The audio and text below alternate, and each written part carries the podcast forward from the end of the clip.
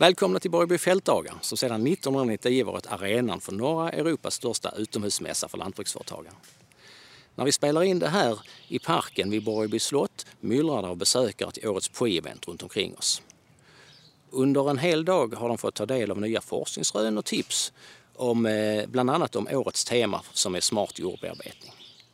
En av de som delat med sig av sin kunskap, men kanske framförallt sina erfarenheter av att byta strategi när det gäller växtodling, är Per Landén som kommer från Charlottenlunds gods utanför Ystad.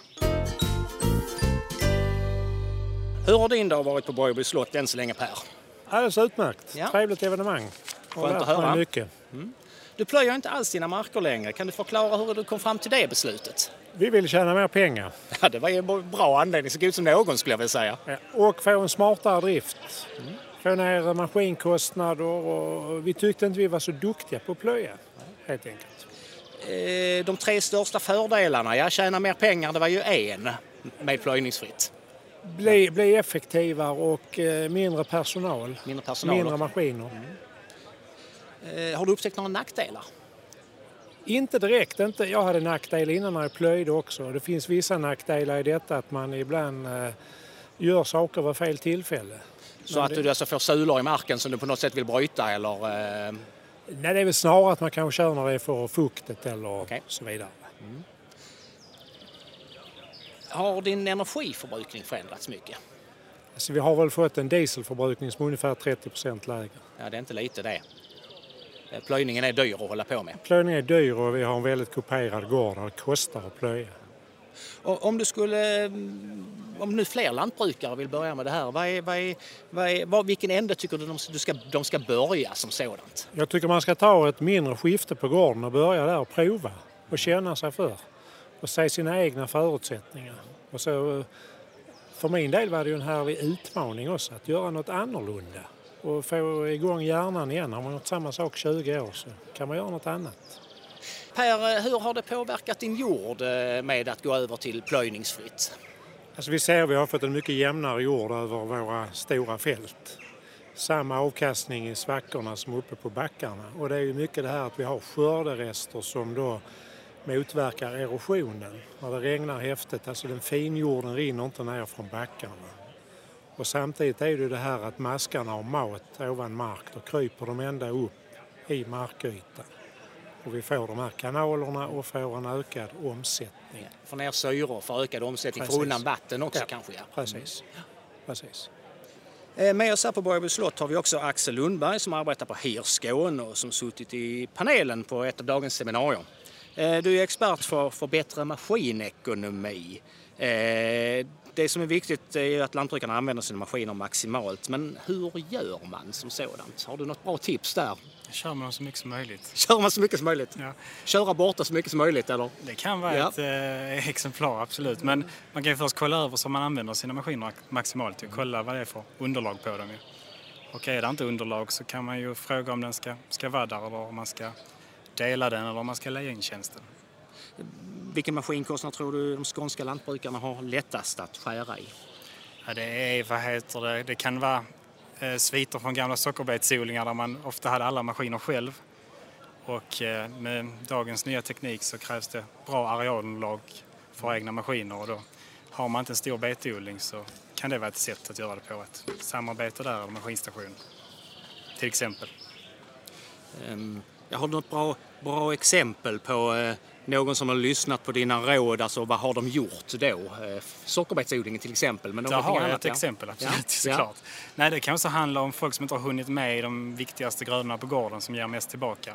Mm. Där kornet har konkurrerat med en annan väldigt lönsam gröda och då, vad heter det, har kanske mitt förslag varit att man skulle leja in till specialodlingen men då kontra lantbrukaren med att varför inte leja in till vårkornet så jag kan sköta specialodlingen själv. Så att det är inte jag som har svaren men jag jag har ofta underlaget till att folk kan tänka och Ta sitt beslut där. Så, så i fallet här så blev det faktiskt att man ledde in kanske vårkornsådern och la full fokus på den grödan som gav mest. Lite grann som Per sa, att eh, lite nytändning. Lägga, lägga kärleken på det som man tycker är nytt och roligt och sen så det traditionella, det kan man hyra in till.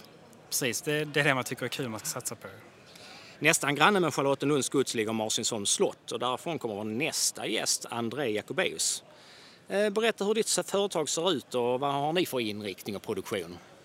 Ja, vi har eh, växtodling, precis som Per, på väldigt varierande jordar eh, med höjdskillnader som ställer till det. Vi har även en slaktkycklingproduktion på gården som väl är 80 procent av vår omsättning.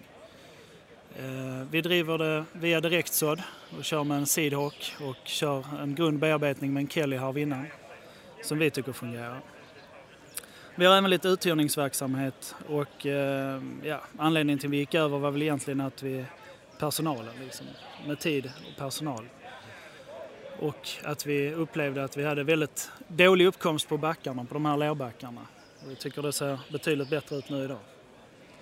Eh, I år har ju mässan utökats med ett pre-event eh, med mängder av föreläsningar. Har du hört något nytt idag som du skulle kunna ha användning för på Marcinsson?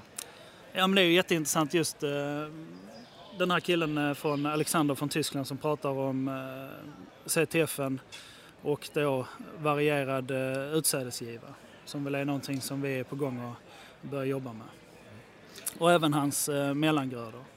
Och eh, med varierade utsädesgiva, till exempel på mulljordar, nere i svackorna så såg den ut mindre och mer på topparna ja. eller vice versa? Ja, exakt. exakt så, ja. ja. och likadant då att jobba vidare med den med, på kemsidan. Att du ökar upp till exempel svampsprutningen i svackorna och drar mm. ner uppe på backarna där du har ett glesare bestånd. Det, det, det, så att man försökte göra manuellt en gång i tiden, det blev aldrig bra så att säga. Man var alltid efter. Eh, vad ser du fram emot att lyssna på under resten av dagen här?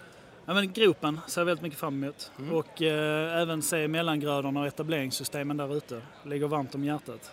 Mm. Då säger jag tack till mina gäster så får ni hasta vidare till kaffe och nästa seminarium.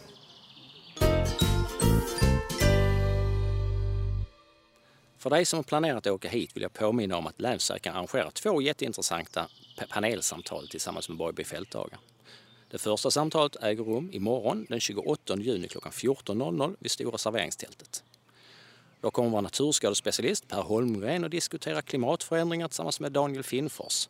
Och han är från HIR Skåne samt lantbrukaren Johan Mattsson som driver ett helt fossilfritt lantbruk.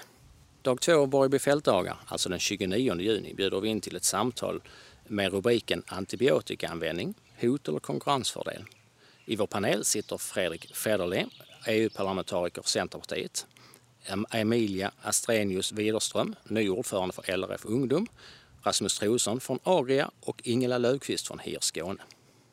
Ni som inte har möjlighet att se samtalen på plats behöver inte misströsta.